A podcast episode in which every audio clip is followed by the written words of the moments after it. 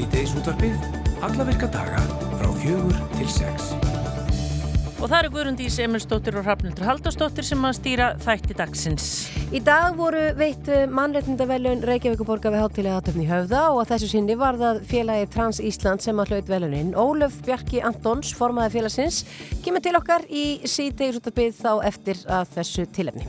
Borgarleikusið hefur tryggt sér síningarétt á rock söngleiknum Eitruð Lítil Pilla eftir Alanei Morissette og Diablo Cody. Söngleikurinn Eitruð Lítil Pilla byggir á tónlist af, uh, sög, af plötu Alanei, mannst ekki eftir þessar plötu? Ég kann hana utan á framöndur. Já, Jack Little Pill. Einni áhrifamestu plötu tíunda áratugurins og þessi plata hún seldist í 2 miljónum eindagaður, hún kom út 1995 og er með, meðal sölu hæstu hljómbratna allra tíma. Og það er eflust hér á, margi, hér á landi margi spendir yfir að fá þessa fréttir, Brynildur Guðjónsdóttir, borgarleikustjóri, hún ætlar að kíkja í kaffi á þessum ágæta föstudi og segja okkur betur frá. Og í dag er alþjóðlegur IBD-dagur en IBD stendur fyrir ólæknandi og langvinna sjúkdóma í ristli og þörmum sem að hafa mikil áhrif á daglegt lífi einstaklinga og talið er um hálft prósent þjóðarinnar Uh, og yfir 10 miljónir manna í öllum heiminum þjáist af. Þetta Svavastóttir, uh, tækniteknari, skrifa grein í morgumblæði í dag og yfirskrift hennar er Þú sérðað ekki utan á mér og þetta kemur til okkar á eftir og fræðir okkur um IBD. Og svo ætlar hann að koma til okkar en Einar Björn Þórarinsson sem var búin að fá nóga því að það var ekki til uh, Íslenskt heilalím fyrir börn á YouTube og hann gerði sér lítið fyrir bjóð til fullt af stuttum klippum fyrir börn, klippur sem að íta undir reyfingu og íslensku. Já, það er kannski alltaf skott að gera það, vist að börnin eru þarna inni hvort þið er. Einmitt. Og við fengum fréttir af því uh, að útsíða koma smáforrið sem að hjálpar fólki að kaupa og selja notuð fött eins og í hennum svo kalluðu loppubúðum, smáfórættið regn, það er í prófun en mun fljótlega líta dagsinsljós og eftir kemur til okkar Kristján Eldur Aronsson hjá regn til að segja okkur, ég bara betur frá þessari nýjung. Einmitt það. Og við byrjum á þessu. Í ár eru 40 ár liðin frá fyrsta HIVAF smitinu á Íslandi og af því tilipni verður haldinn sátta og minningastund í fríkirkjunni núna á sunnundaginn fríkirkjunni í Reykjavík og hingaði kominn Einar Þóri Jónsson sem er prangatustjóri HFF Íslands, velkomin. Takk. 40 ár. Það eru 40 ár, já. Og þegar þú hugsaður um þetta Einar, hvað finnst þér? Finnst Ég hef bara liðið alveg ótrúlega hratt. Já. Ég var ungu maður hérna þegar HFF var greint í uh, fyrsta tilfelli hérna í Íslandi. Það var hraðfristu stjórin á, á hérna Skagaströnd sem hafa verið mikið í Afríku. Já. Uh, og hvað, hvað á þessum tíma Hvað held, þú auðvitað var þetta, hérna, hafið frést einhvað auðvitað úr heimi? Jú, svona, það, það var nú svona allt í farvatninu, sko, og, í, í, og það, í kjölfur á þess allir saman, þá náttúrulega var það alveg gríðarlega mikið lótti, drepsótt væri að flæða hérna yfir heiminn, svarti döði, og þetta voru nú langmest, hérna, samkynneir ungi strákar sem greindust hérna í byrjun, og Þetta gekk svona undir heitinu hérna kynvillingapláan og hérna og það væri sem sagt bara homar og öfugar og kynvillingar sem að fengju þetta. Menn sem að væru lauslátir og hugsaðu ekkert mannaði kynlíf og djam og fyllir í og uh, það er einhvern veginn byrjar þarna strax svona gríðilega mikil stigmatísering í kringum þetta ekki bara hér heldur að annar staðar. Og þetta endur speklaði kannski þó í þá daga þegar svona réttir að byrja að verða svona sínileiki samkynningsfólk svo ég greip það núna að það væri verið að hérna sagt, að Transísland hefði verið að fá mannrætt þetta velurinn Reykjavík og borgar ég meina sem bara dásalegt sko en það sem við erum að meina núna með því að vera að grafa svona í þessum erfileikum og þetta var náttúrulega svo skelvilegi tímar og við höfum bara ekki tíma til að fara aðeins í, í gegnum það allt hérna núna að um, menn fór að veikjast og deyja og, og ég, svona alveg í byrjum að kannski alveg vita hvernig hérna, smittleirna væri á þessu sko. En við vorum settir ábyrðum að setja öll að herða þessu ungu manna sem voru bara vennilegur ungi menn að, uh, að lifa sínu lífi leitað ást eiga að lífu og eiga ást. Og það var í þá daga sko uh, sínileiki samkinn þeirra var svona rétt að verða til og þetta bara var svo rosalegt og, og, og hvernig hérna þetta ógnaði svona siðgæðis vitund fólks og, og þessi svona mati og, á því hvað væri eðlert líf og gott líf og allt það. Og uh, við vorum skildir eftir, það var útskúfun, það var mikill ótti og uh, þessi sjúkdómur hefur nú verið svona kallaður sjúkdómur í þá daga einmannaleikans, útskúfunar og höfnunar Það var ekki viðleitt fyrir menn sem var vitað um að þeir væru með þennan sjúkdóm. Það er mikill fjarlaugur kringum þetta, mikill tortrygni, eh, vonlöst að finna þér húsnaði til leigu, vinnu, verið námi, eitt en eitt. Það var allt tekið af fólki. Já. Og ekki, að, hvað þá að mynda sér samband við aðra mannesku, með eitthvað svona ástalíf í huga. Þannig að ég segi nú oft sko, og ég ég er ekki bara framkvæmstjóra Háfa Íslandi, ég er talsmaður Háfa fjákara. Mér finnst það svo vel við þegar ég er eitthvað að tjá mig svona. Mm -hmm. Þetta hljómar mjög, kannski biturt og erfiðleika legt svona, en við viljum grafa þess í þessu vegna þess að þá eftir eiga sérst að uppgjör á þessum tíma. Hvað gerðist, all, allt þetta að menn áttu á hættu að lauruglar hennilega bankað upp og það verið að kæra menn fólki kringa að ringja á laurugluna því þessi var að gera þetta og þessi var í þarna og uh, það var svo skrítið uh, helbreyðskíslur öll fjölmiðla umfjöllunin því fjölmiðla fólki það, og orður ræðan í kringum þetta, þetta var bara málingin. Já, en ég menna, sko uppgjör, það er náttúrulega bara bæði bókin þín, það eru auðvitað þættinir innan Rafnildar Gunnarsdóttur, þú sagði mér áðan að það eru tveir, er það ekki háskólanemar að gera stóra rannsók? Jú. Uh, en það lítur að vera erfitt að gera þetta upp en það eru bara svo margir dánir Margir dánir við erum ekki margir eftir á lífi og ég vil svona segja líka að það er ekki bara það að menn dóur alnæmi og, og veikindum þarna á þessum tíma heldur það að lenda í þessum hremningum þessum félagslegu hremningum, þessari höfnun þessari, þessari svona andlegu þessu andlega álægi, þessu tráma þessu áfalli, áfalli, við erum alltaf að tala um áfalli í dag að mönnum hefur uh, reitt misjaflega vel af.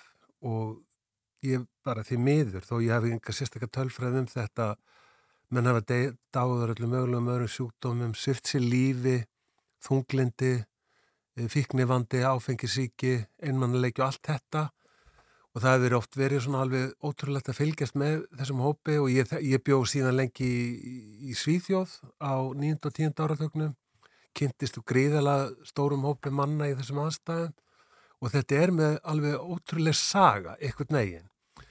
Það að vera grafið þessu og, og, og, og það tilgangurinn er nú með minningastundinna í, fríkirkjun og sunnudaginn, það er að minnast þeirra sem hafa dáið og fallið af völdum þessar sjúkdóms, ekki bara völdum þessara hættulegu veiru, heldur líka vegna þessar aðstanna sem ég er að tíunda hérna uh mhm. -huh.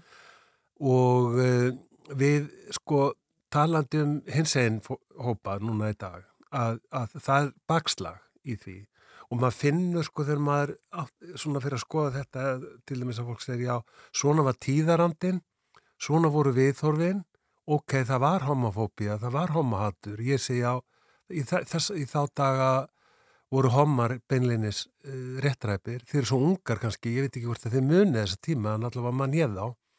Ungum maður umlað tvítur og þetta var bara mjög erfitt.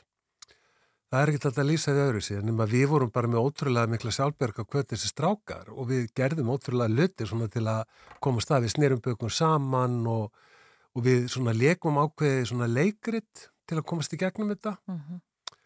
Við vorum svona káttu fýblalegu hommanir oft sko og það gæti rettað og við vorum, gerðum ekki mikla kröfur En þið eru að tala um, þú veist, það er þessi minningastund Já. þarna í fríkirkunni og þetta er sátta og minningastund Já. Getur maður einhver tíman já, bara sætt sig við þessa framkomi og hvernig hlutinni voru?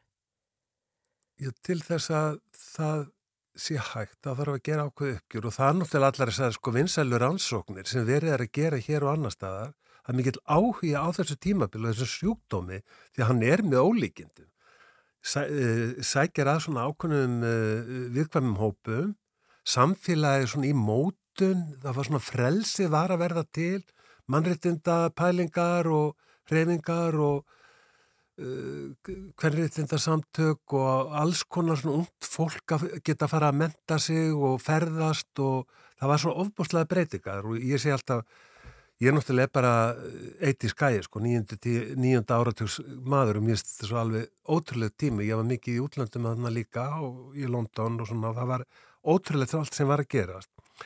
En þetta með þetta uppgjör að við þurfum að fá það vegna þess að við þurfum að læra þessu og við, við verum átt okkur á því það þarf kannski ekki mikið út af að, að bera til að geti gerst alltaf erfiðir hlutir.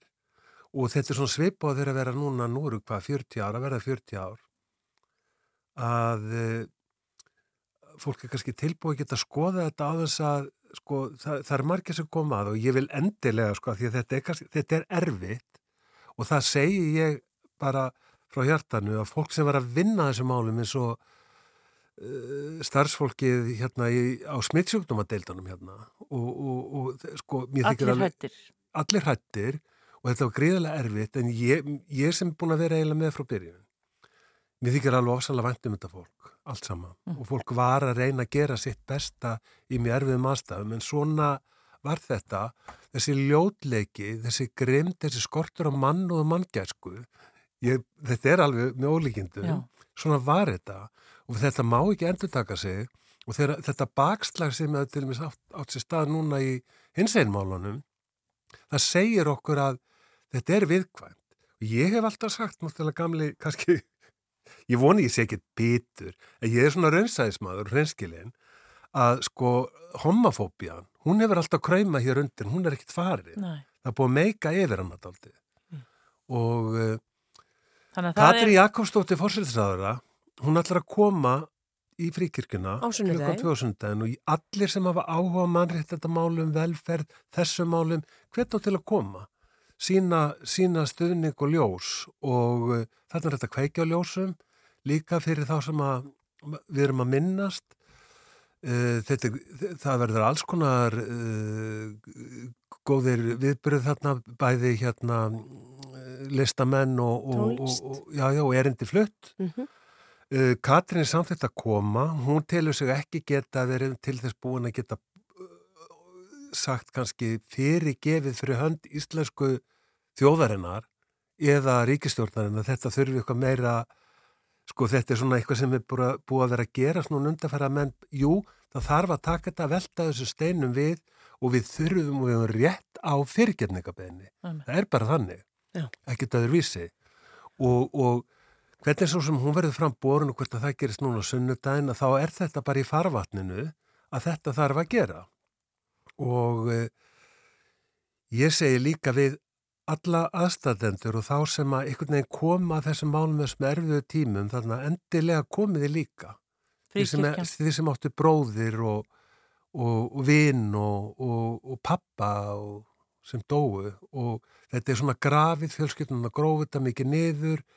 Suma fjölskyldur voru að reyna að styðja við sína svona daldið í leini hörðum var lokað Stundu fóru menn upp á sjúkrahús og upp á deild og þeir voru bara lokaðir inn í einhvern herbyggjum og þar dóðu þeir, einir. En hörðin verður ekki lokað á fríkistum? Hún verður ekki lokað á sunnudagin, komum tvö? öll Já. og verum líka bara glöð, við meðum verður þakklátt og nú ætlum við að saminast. Takk. Já. Þetta hljóma mjög vel. Fríkirkan í Reykjavík á sunnudagin kl. 2. Einar Þór Jónsson, Frankóttisjóri HFF Ísland. Takk fyrir komuna og góða skemmtur á sunnudagin. Takk fyrir.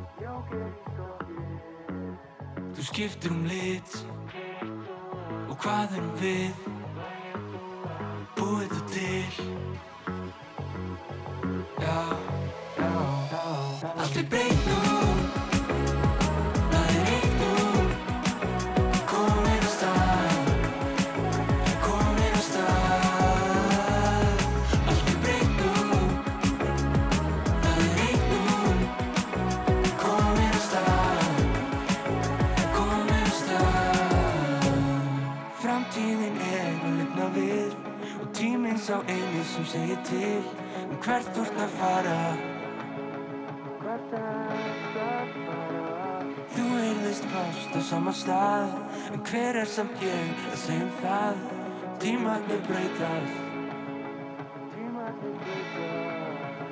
Þú skiptir um lit Og hvað erum við Búið þú til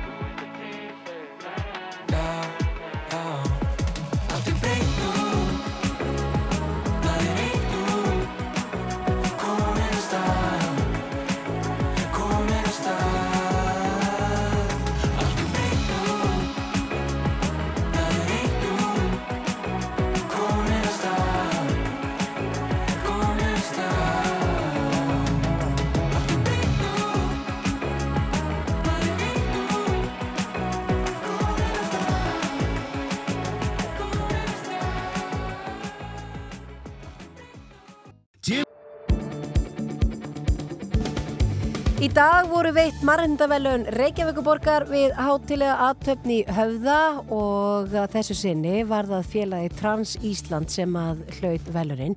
Ólöf Bjarki Antons, eh, formaði félagsins, er ynga kominn, eh, velkomið Takk fyrir. og til hamingju með þetta. Þakka þér einhverja fyrir. Segðu okkur nú aðeins, já bara frá þessu félagi.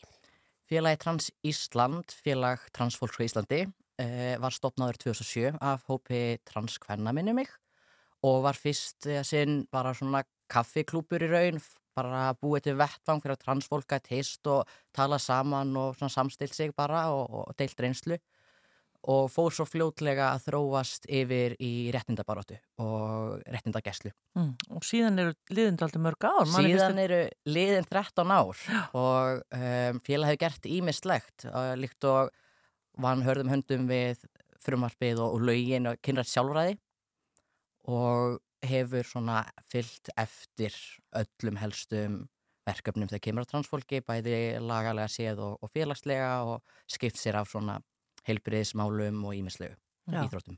Félagi hefur vantarlega verið fáment í upphafi en uh, hvað eru margir í því núna? Ég er nú ekki með töluna, það er, það er einhver slatti en, en við í rauninni leggjum ekkert endilega upp á félagatal.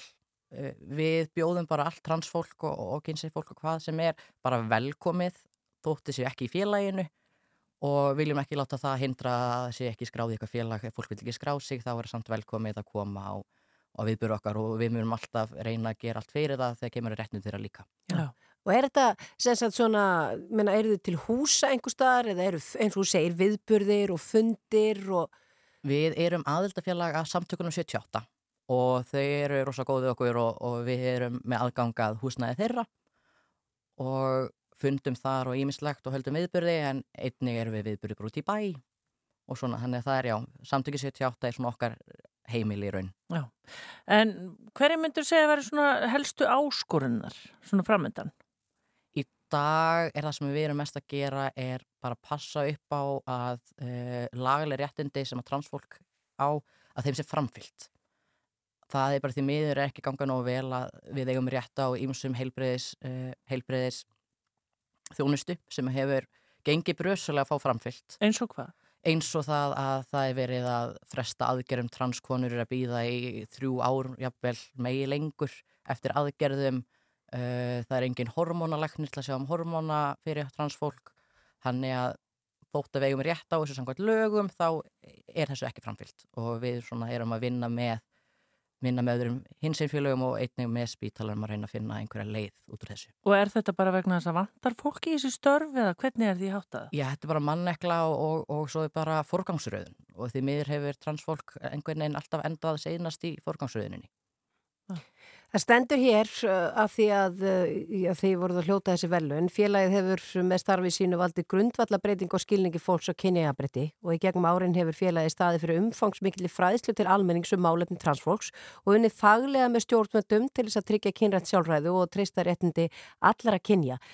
Hvernig, menna, er það að hitta transfólk uh, uh, annar staðar frá líka? Hvernig er bara almenningur á Íslandi? Hvernig, hvernig, hvernig er að vera trans á Íslandi? Þegar stórt er spurt. Já, þetta er reysastór spurningu, ég veit ég óþsóldi úr einni annað, en ég er svona bara velti fyrir mér, er það að ná að bera ykkur saman við stöðu ykkar varandi bara og transfólks til dæmis á hinu Norðurlöndunum og, og hvernig er, já, bara fólk hér? Ég uh, var á ráðstefnu í Hörpu núna bara fyrir viku síðan, ættuhóttur ráðstefnan, þar sem komu hins egin aktivistar og, og, og fræða fólk frá allir Evrópu og þar var kynnt kort, Evrópukort af stöðu transfólk og Ísland trónið þar á tópnum. Þannig að lagalegum skilningi og jafnvel fyrirastlegum eru við best í, á, var best í Evrópu en, en það er ekki nóg því miður að það er hellinga vannköntum líka. Þannig að miða við önnur lönd þá stöndum við okkur vel en það er alltaf hægt að gera betur. Mm -hmm. Þið fáið þannig 600.000 krónur í, í verðlun. Uh, hvernig mun þeim fjármunum verða varið? Það er nú ekki búið að gera fjárhásáallunina en, en ætlið þetta fari ekki í bara að reyna að halda auðvitaðnum samfélagið, transsamfélagið, uh, halda viðburði, reyna að taka auðvitaðum þau. Það er mikil einangrun í þessu samfélagi vegna bara jáðarsetningar og, og, og kvíða sem fylgir fordóma um, og fólk á það til að félagslega einangrast og við viljum vinna gegn því og, og hrista hópin saman og leifa fólki að finna einhvern samanstað sem getur verið það sjálft og, og tala við fólk með sömur einslu. Mm. Einar Þóri Jónsson sem er talsmaður HVF samtakana hérna rétt á, hann talaði um bakslag í, í, í þeirra rauðum. Hva, hvernig tólkað þú það? Er það sama? Já, já, það er, þetta gengur bara yfir allt hins einn samfélagi, sko. Það er bara, já, bakslag, afturför alveg um, sem við erum að reyna berjast gegn um, og gengur ágætlega, vil ég vona. En við erum að sjá aukna fjölmiðla umræðu sem er fjandsamleg uh, vera að klína. Fjölmiðla? Já, það er bara virtir í raun og, og já, fjölmiðlar í Íslandi sem að byrta greinar sem að tala gegn sérstaklega transkonum og transbörnum.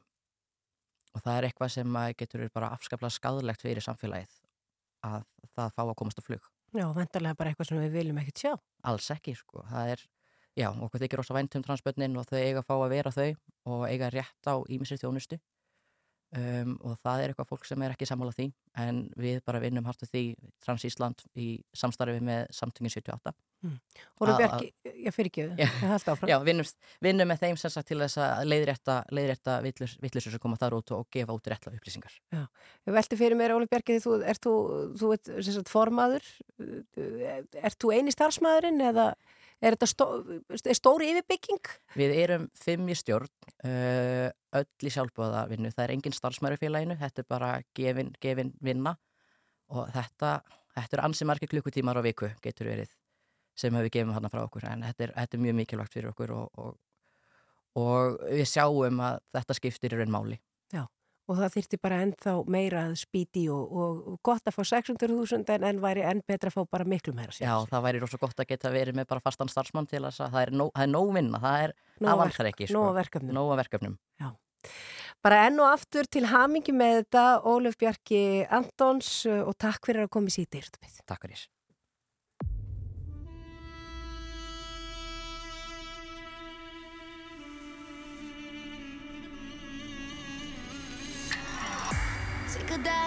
Into my eyes. Yeah, the eyes of a lioness.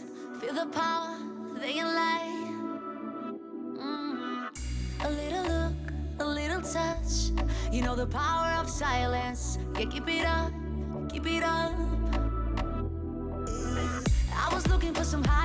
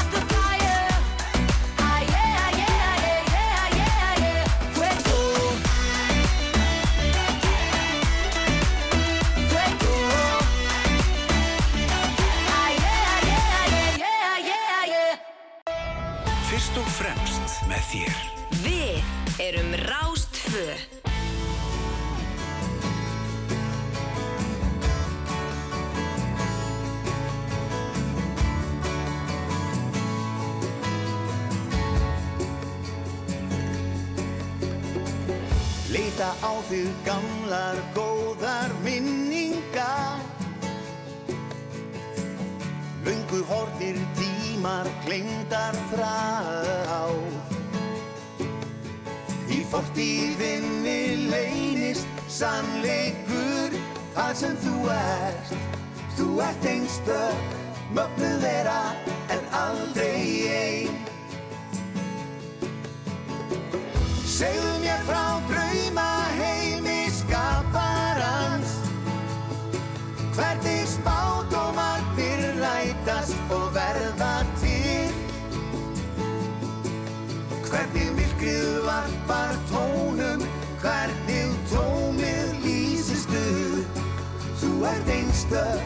möppu er að en aldrei ég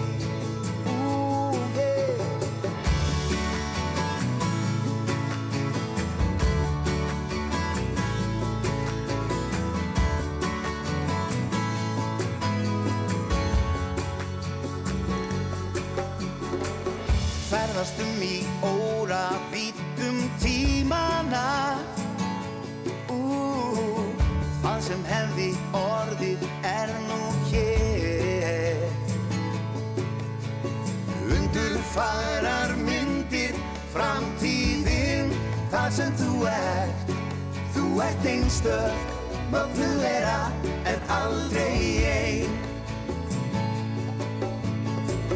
Segðu mér frá drauma heimi skaparans. Hvernig spá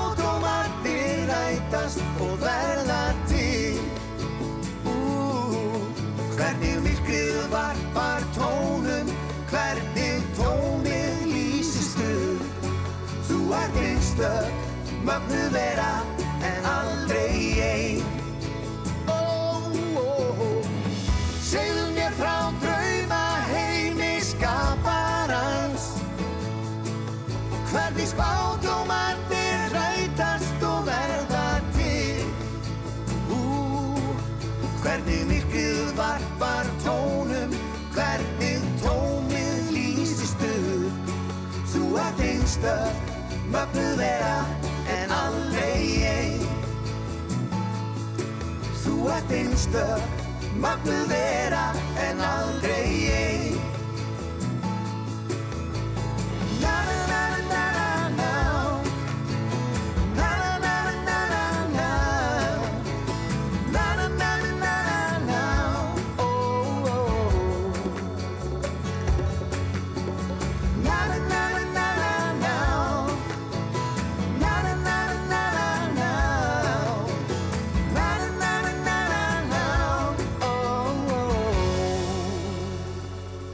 Þetta var Skítamórall og lag sem heitir Aldrei ein. Já, já, já. Við erum að reyna að hafa tónlistina svona svolítið létta og skemmtileita. Það er fössudagur. Ekki, sko, fyrstudagslegt veður, en Já, ekki, skýt með það. Ég er ekki gott við fyrir austan. Jú, það er hitabildi 20 stig. Já, á það er Egilsstöðum. svolítið þannig. En við ætlum að fara að tala nefnilega aðeins um tónlist uh, því að borgarleikusið hefur tryggt sér síningarétt á rock söngleikum Eitruð lítil pilla eftir Alanis Morissette og Diablo Cody.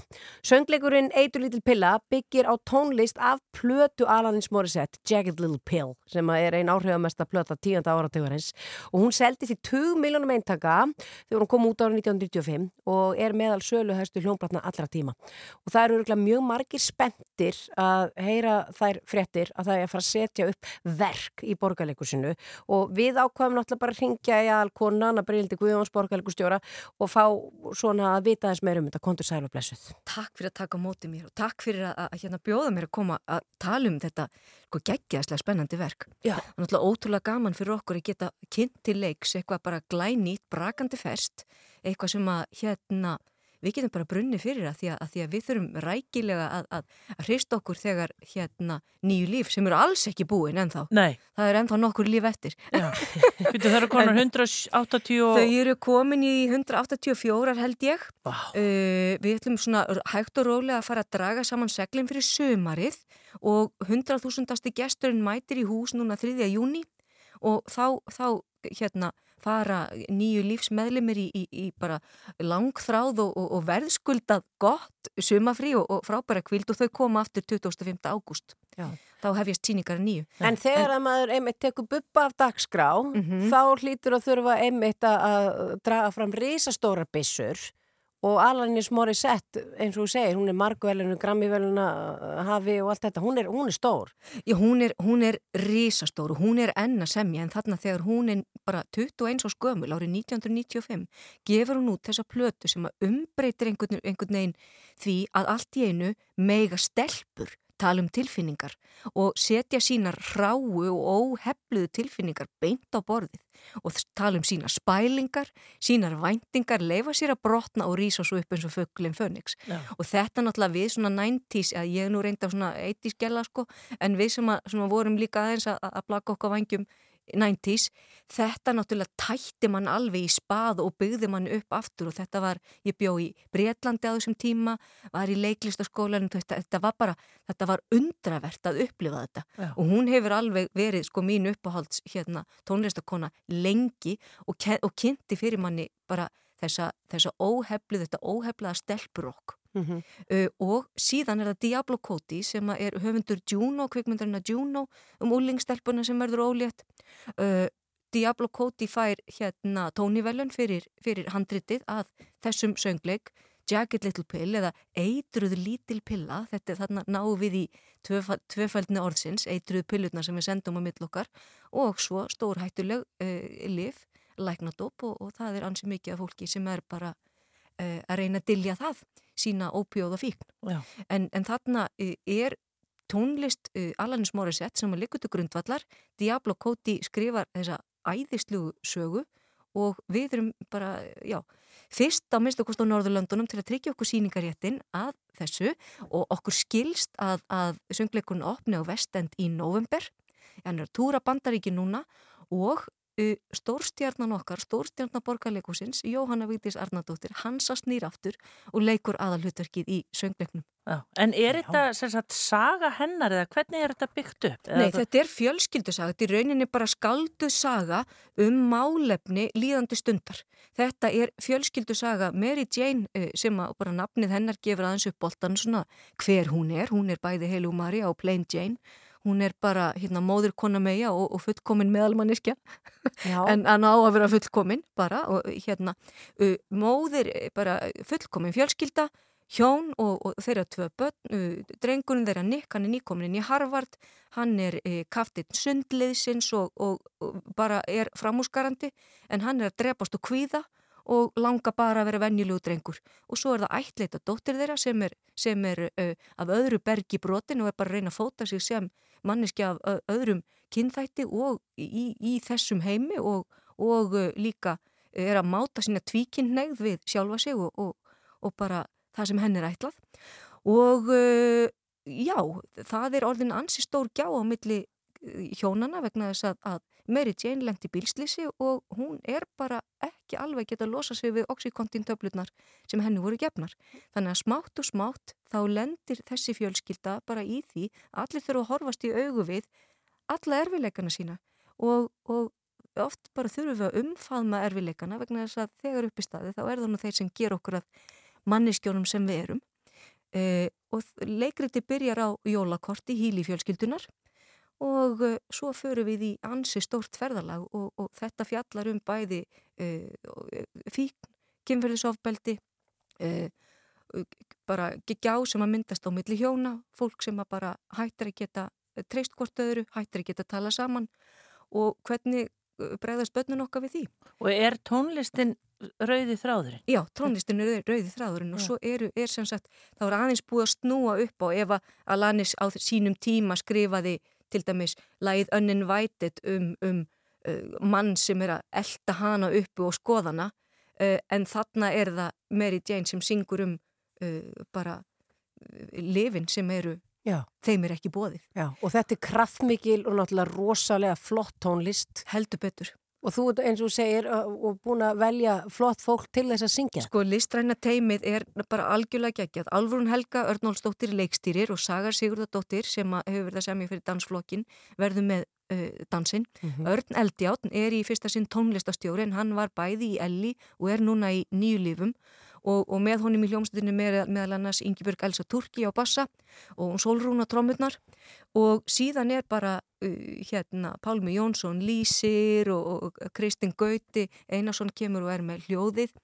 Uh, Eva Signi Berger er með leikmynd og, og hérna Karin Brimbúninga. Og síðan kemur leikhópurinn og þetta er náttúrulega svo, svo sláandi fagurt og flott fólk. Uh, Hansa snýr aftur Valur Freyr Einarsson leikur uh, eiginmannin Steve, pappan. Síðan kemur Aldís Ama Hamilton og leikur dótturina. Sigurður Ingvarsson er glænir hjá okkur, kemur inn sem sonurinn Nick. Svo er það Elin Sif Hall sem er uh, í, í burðarhlutverkið þarna. Haraldur Ari Stefánsson uh, og Íris Tanja Flegring kemur líka glæni inn til okkar. Vá, og hvenar, hvenar eigum við vona á þessu? Februar 24 Já. eitruð lítil pilla. Eitruð wow. lítil pilla. Þetta er aðeinslegt Þú er búin að velja lag Já, ég er búin að velja Hvað lag. valdur þú? Ég valdi, ég ótti mjög erfitt með þetta Ég söng öll lögin með ég var hérna að velja þetta. Ég tók You Are Know. Það er eitthvað, það er svo rosalegu kraftur í því. Þetta er, ég bara mæli með því að fólk nái sér í sko original Broadway cast hérna upptökuna á, á, á Spotify og, og syngi hátt í bílnum Brynildur Guðjóns, takk fyrir komina og við lökum til að sjá þetta leikrit Eitru lítil pilla í borgarleikursun. Takk. I wish nothing but the best for you both. I know the version of me. Is she perverted like me? Would she go down on you in a theater?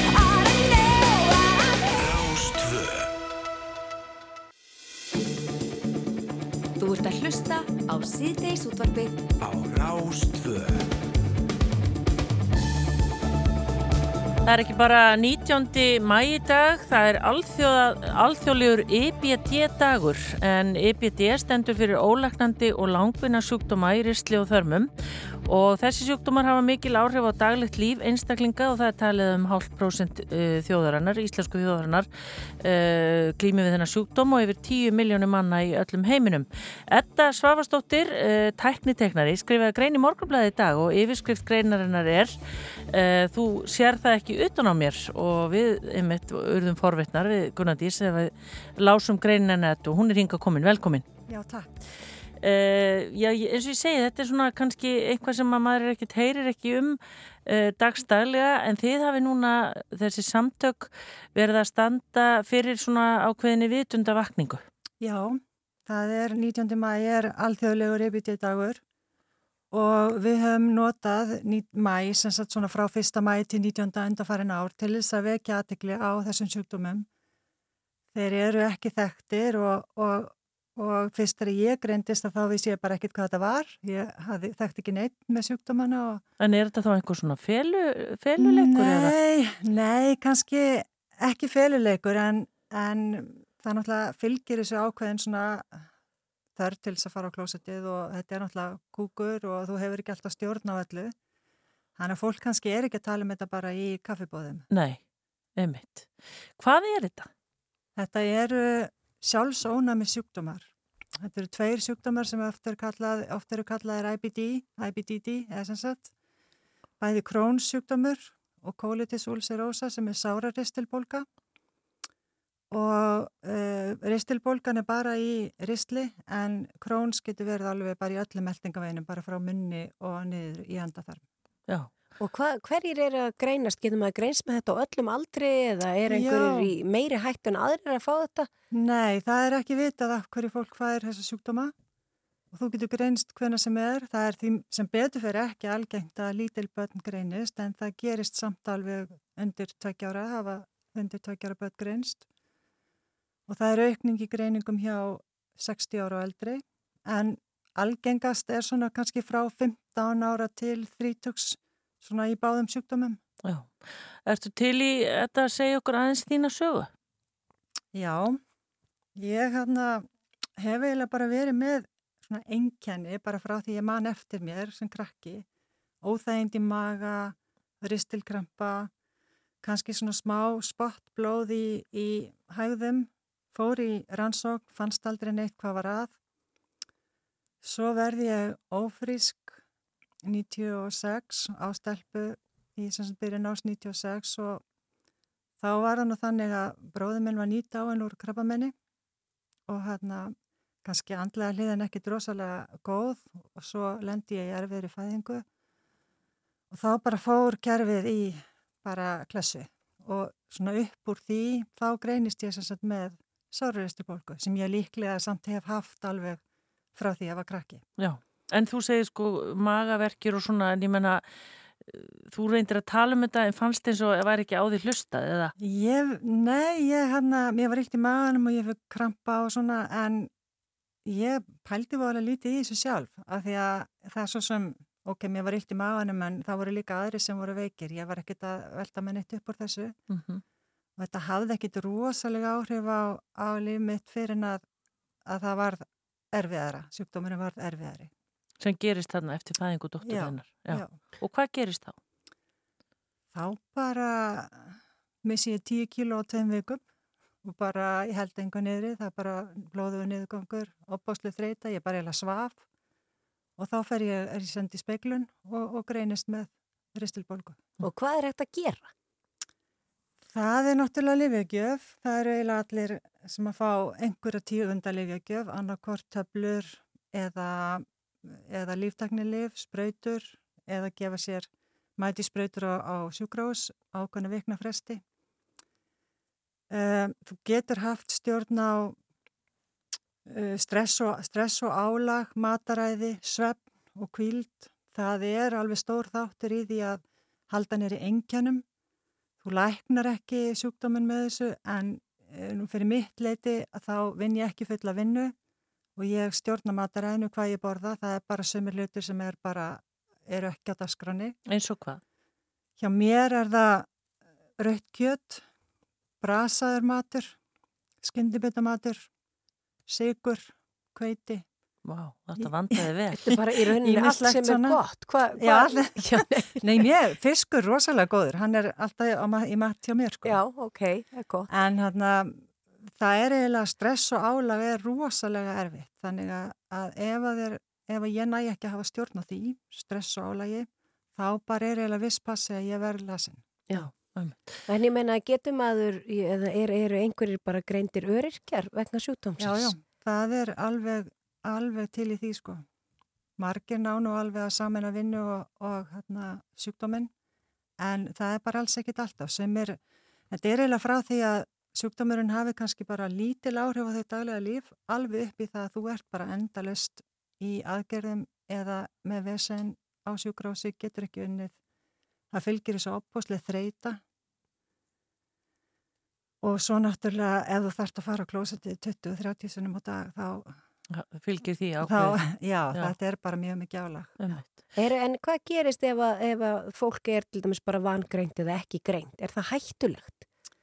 Það getur verið það, sko, hérna áður fyrr fyrir á miðri síðustu öld ef ég seg, má segja það, þá náttúrulega bara dó fullt af fólki sagt, af því að það bara fekk niðurgang, það nærðist ekki, það þotnaði og svo bara fekk það síkingu og dó.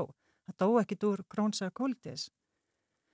En núna í dag þegar greiningar eru orðna miklu betri og teknin og allt þetta, þá má segja það allan á Íslandi það deyr enginn en til dæmis í Brasilíu þar er ennþá fólk að deyja Já, um. en það ætti enginn að þurfa að deyja í dag.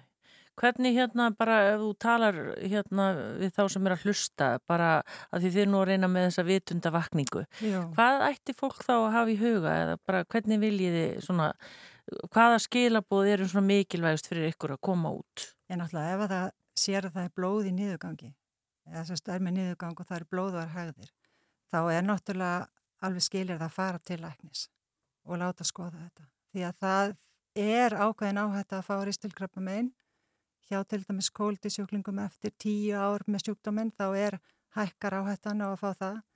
Ég fer í, í ristilspeglun bara á ákveðnum fresti og það er bara skoðað. Þannig að, að Mæli, það, það er koma því á framfæri. Já, stöðugi verkir, miklu magaverkir, uppþemba og náttúrulega blóði hægðum. Já. Eru þið einhver stað með eitthvað svona vefsvæði eða eitthvað, getur fólk einhver staðar, já, leita til ykkar eða fengi upplýsingar eða? Við erum með heimasíðu csu.is þar sem að eru bara góður upplýsingar um sjúkdómana, engjanni, algengi, hvernig er hegða sér, hvað er heita og svo leiðis og, og á samt fleiri upplýsingum sem að, gott er að vita. Svo náttúrulega bara er hægt að ringja í okkur eða senda okkur skilabóð. Það er þetta. Þetta, og við sjá, sjáum það ekki utan á þér að þú Nei. ert með þennan sjúkdám, lítur svona stórkostlega vel út og takk kærlega fyrir komuna í síðdegisútarpið og opna þessa umræðu fyrir okkur og við bendum fólki á, eins og þú segir, á þessa hérna, heimasíðu ccu.is. Já, takk fyrir mig og takk fyrir Takk að bjóða fyrir mér. komuna. Takk. Allt það helsta. Síðdeisútvarpið Frá fjögur til sex á Rástvö.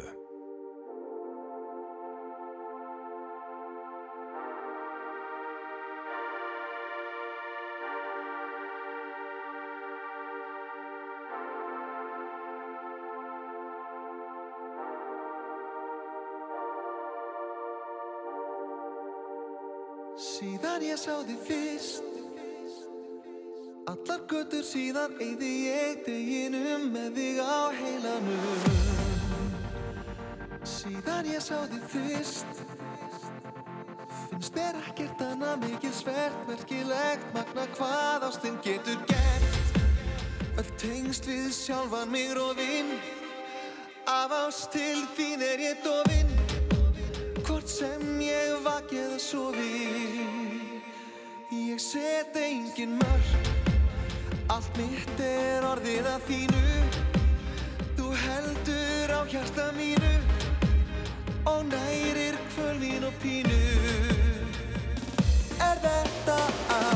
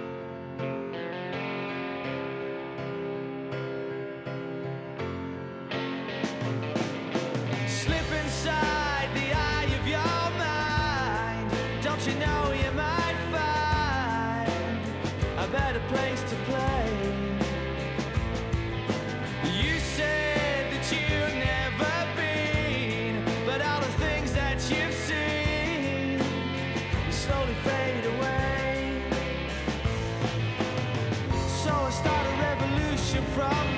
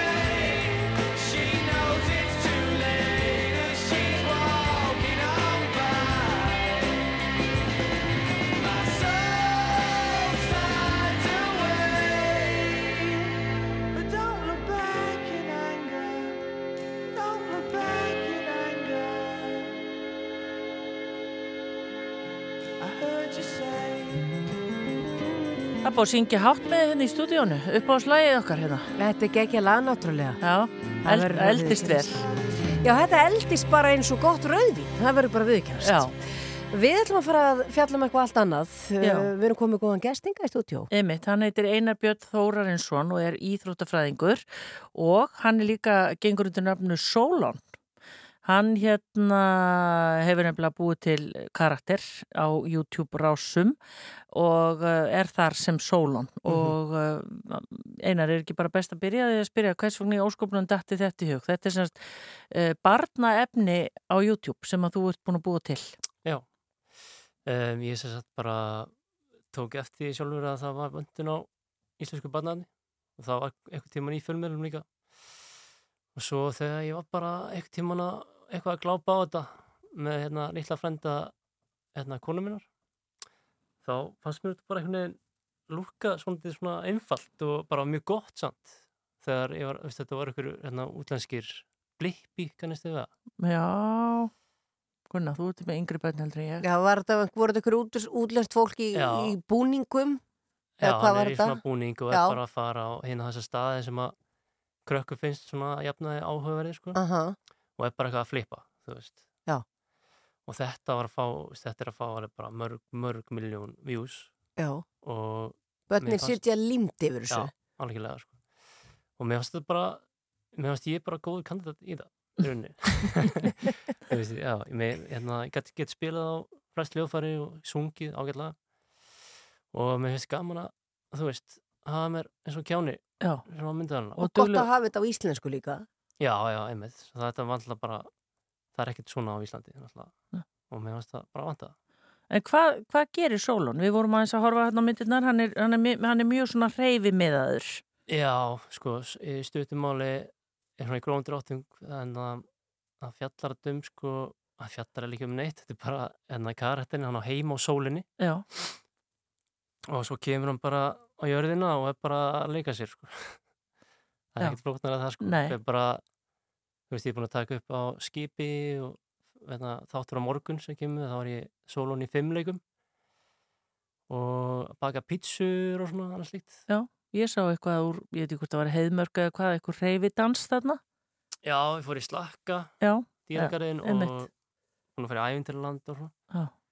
Sá þáttur er búin að fá alveg 20.000 views En tölum að þessum búningin sem að Solon er í. Hann er flottur. Það er ofur, og það er ofur Já. hetju hérna útlita á Hann er hann. náttúrulega ofurheitið, sko. Já, En hérna, já, ég hannaði hann búning.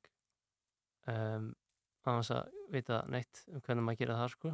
En þá bara fór ég, byrjaði bara að fara í Nexus og var bara eitthvað að skoða þar svona comics, fá hugmyndir og hérna, ég líka, þú veist, fór eitthvað í tölvuna og, og það var eitthvað sem maður lært í háskólan á mig, að lesa rannsóknir.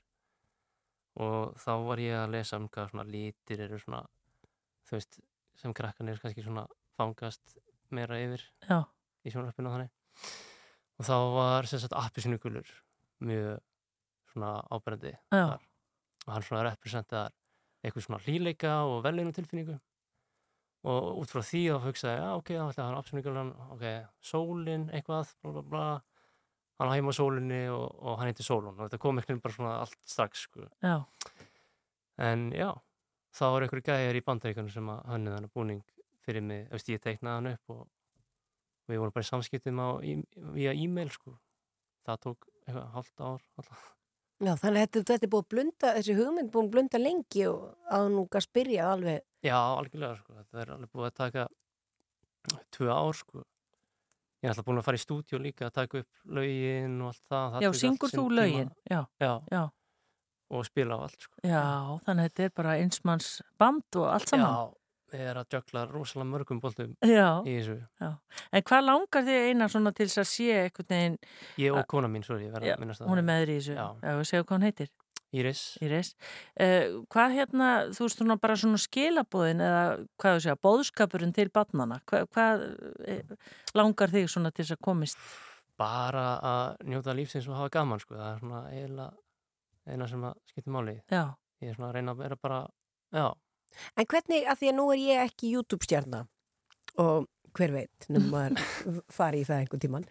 Hvernig fær maður tekjur út úr svona? Þú hvernig, því þú, þú væntalega ert með eitthvað markmið Já, og ef, ef það verða mörg áhorfa á þetta og svona, hvernig, hvernig fær maður einhvern veginn að geta að lifa á svona? þetta er góð spurning. Um, ég mun aldrei fá eitthvað tekið út frá YouTube, sko. Nú. Það er svo hægt að segja það, sko. Ja. Ég held að þú þurfir að fara alveg upp í eitthvað miljónir, sko.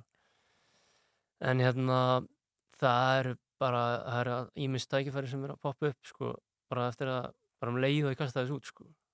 Eins og hérna, bara fullt af fyrirtækjum sem eru að hafa samband og, og endalust að skilabóðum frá fólki sem vil fá mig í skemmtanir og eitthvað. Já, já. Og hérna, ég Þannig að sólón er bara á flugi.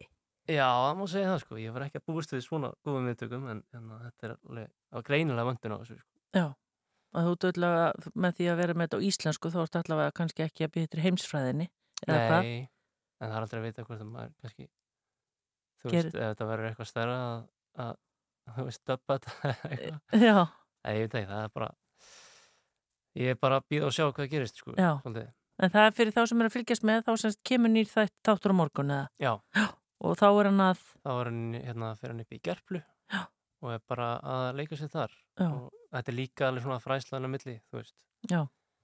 Kenna, þú veist, að telja og annars lít, Já. litina og þannig. þú ert litla dóttur, þetta múin að pröfa þetta allt á henni? Já, já, hún er bara tilurna dýrið, sko, það má segja, sko. Hún dýrkar þetta, sko. Já. Hún, hérna, eh, þetta er bara pappi, þetta er ekkert sólón.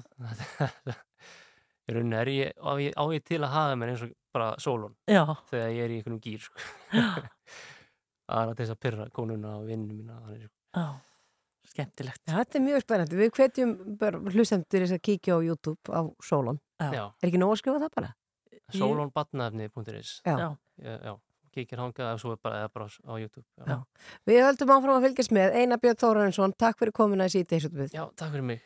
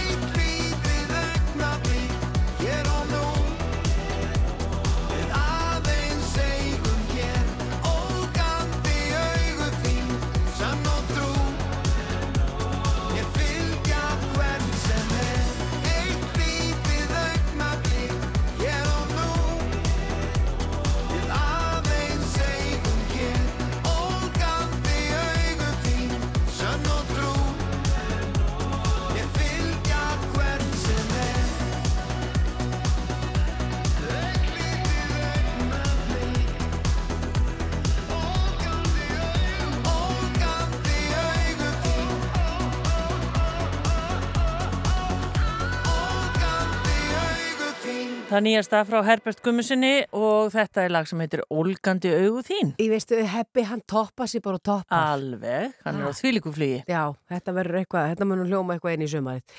Uh, við fengum fréttir að því að út sé að koma smáfóritt sem að hjálpa fólki að kaupa og selja nótu fött uh, eins og í hennum svo kölluðu loppubúðum og við erum strax alltaf spendar, Rafnildur, um hverju svænt í fyrsta lagi að kaupa nótu fött og maður vil líka bara geta losa sig við þetta gamla. Já. Ekki saman á því? Ég er alveg saman á því. Já. Smáfórættið regn er sérst í prófun uh, munvonandi líta dagsins ljós fljótlega og hann er komin ykkar til okkar Kristján Eldur Aronsson frá regn. Kom til sætla blessaður. Blessaður, gáðan að vera hérna. Já, bara takk fyrir að koma. Segðu okkur nú aðeins já, frá þessari hugmynd ykkar. Já, þessi hugmynd sem sagt kom hérna já, frá samstafskonu minni, henni móður minni, hún hérna hún rakst á svipa app í Breitlandi og áttaði sig bara á að væri smá gat í markaðinu hérna heima og fór svona hugurinn að reyka og hún byrjaði þetta bara krafti með okkur krökkunum, sko. Og er langt síðan það var? Sko, hugmyndavinnan hún byrjaði í raunin að hugsa um þetta alveg fyrir smá löngu en hugmyndavinnan og vinnan á bakvið appi byrjaði bara í byrjun 2022. Mm. Og þetta er hugsað sem einstaklings, sem sagt, ég er bara með mína búð.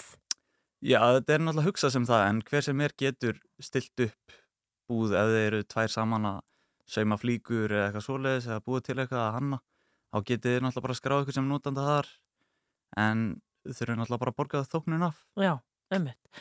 En notuðu fötinu ef ég er að kaupa og selja það, er þetta, þú veist, einhvern tíma þarf að afhenda fötinu, hvernig er það hugsað? Já, þetta er sem sagt þannig að hérna, ef þú finnur flík sem þið líst vel á og velur að kaupa hana, þá ítir á kaupa inn í appinu og þá poppar upp svona push notification ef maður sletta aðeins frá auður og þá þarf það að fara inn í auður, greiðir, þá lendir pinningurinn í okkur og við geymum hann og síðan opna samtal millir þín og seljanda. Og þar getur þið komið ykkur saman um hvernig afhending munið þessi stað. Já. Já, og svo þegar afhendingu er búin að þessi stað, þá borgið þið peningin. Já, þá, þá þarf að staðfesta afhendingu Já.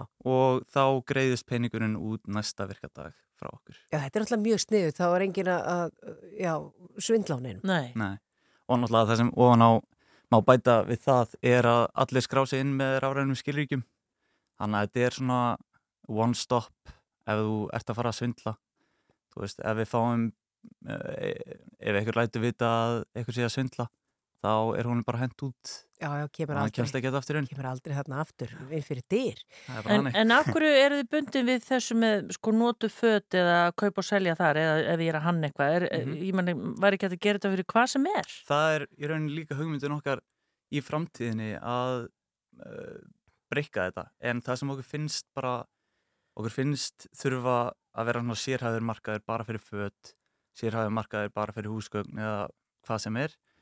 Þannig að þetta verði ekki svona bara geimsla af alls konar dóti veist, eins og bland er svolítið orðið.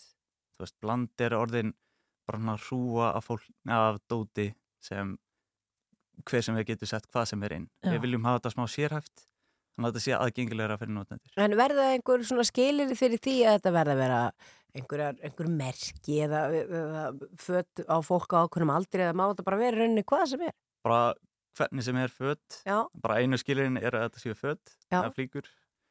Og hver sem er má koma þann inn og við hvetjum í rauninu bara alla til þess að koma þann inn.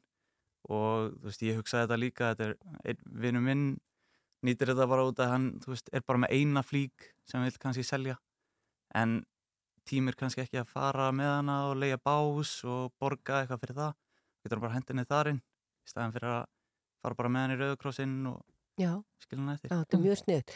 Þið reikni væntalega með að þetta verði vinsælt, meina, við, við erum tóltið fata óð. Algjörlega, við erum það og hérna, við erum nú þegar bara í prófunum bara að þetta er búið að fara fram úr öllum væntingum og komum með rúmlega 900 notendur á appinu.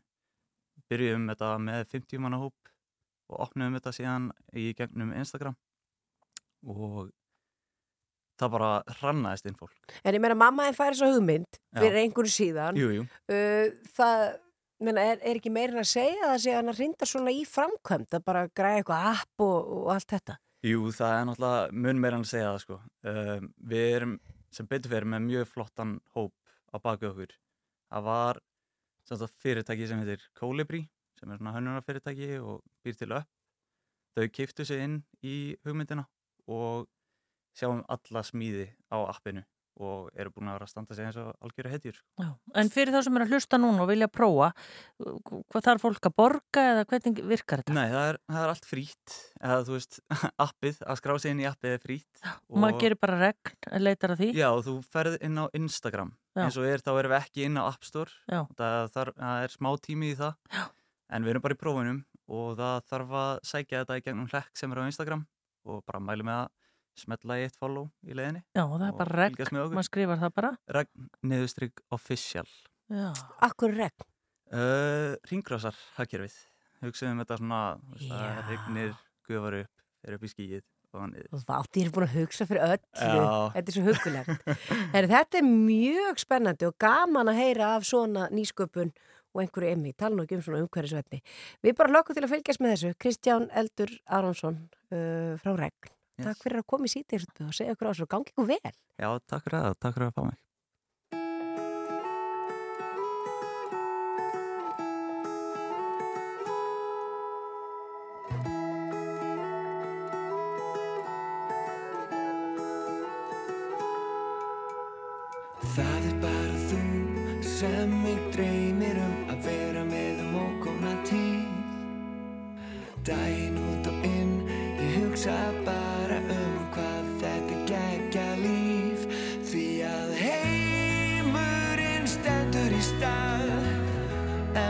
brosið til mín, þú ert það eina sem ég vil.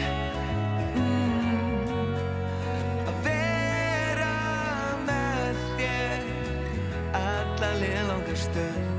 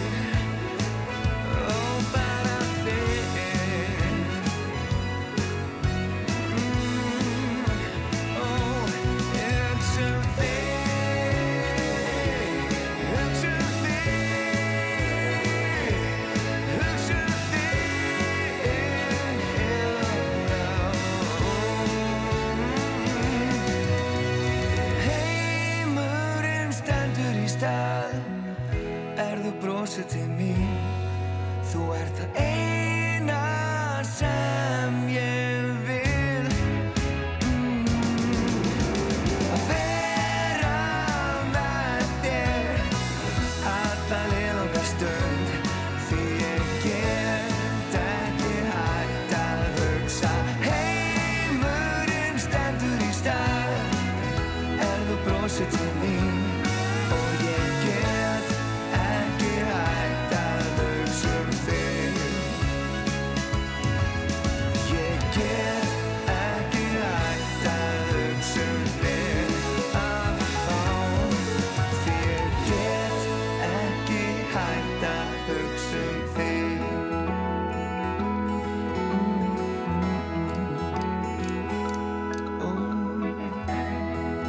Það er ekki nokkur einasta leið að hætta að hugsa um þig. Nei. Það er bara þannig. Nú fallið skilabóð að vera viðkennast. Dásamleg. En það fyrir bara að líða að loka hjá okkur hefndu. Við ætlum bara að fara að halda út í helgina eins og svo margir aðrir og mér sýnist á öllu að það verði bara svona, það er kannski ekki skaprætt, nei, mér sýnist það ekki neitt. Það er verið ræðislega veður fyrir norðan og austan. Til hamingi með það. Já, sem verður sól á, á Akureyri en 19 metrar á sekundu á morgun. Já. Það er aldrei kvast. Góða veðri fer hægt, fer rætt yfir. Það fyrir bara mjög hrætti yfir, beint á eigirstaði, þar sem er reyndar 12 gráður og sól og 11 stegi heiti, en það er rúrhelli, sínist mér hér í Reykjavík, svona inni veður. Já, já, við gerum eitthvað skemmtilegt Já, ég vilt ekki henda á þessu góða lægi sem við ætlum að enda á, þetta er náttúrulega bara stuðmenn, poplægi getur, er ekki bara fínt að enda á þessu? Endum á þessu, verðum aftur með ykkur hér á mánudaginn. Takk Já. fyrir að hlusta í dag og hafa það sem allra best.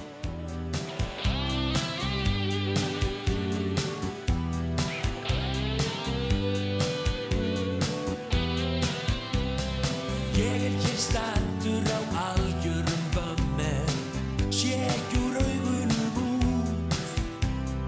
Allt verið stein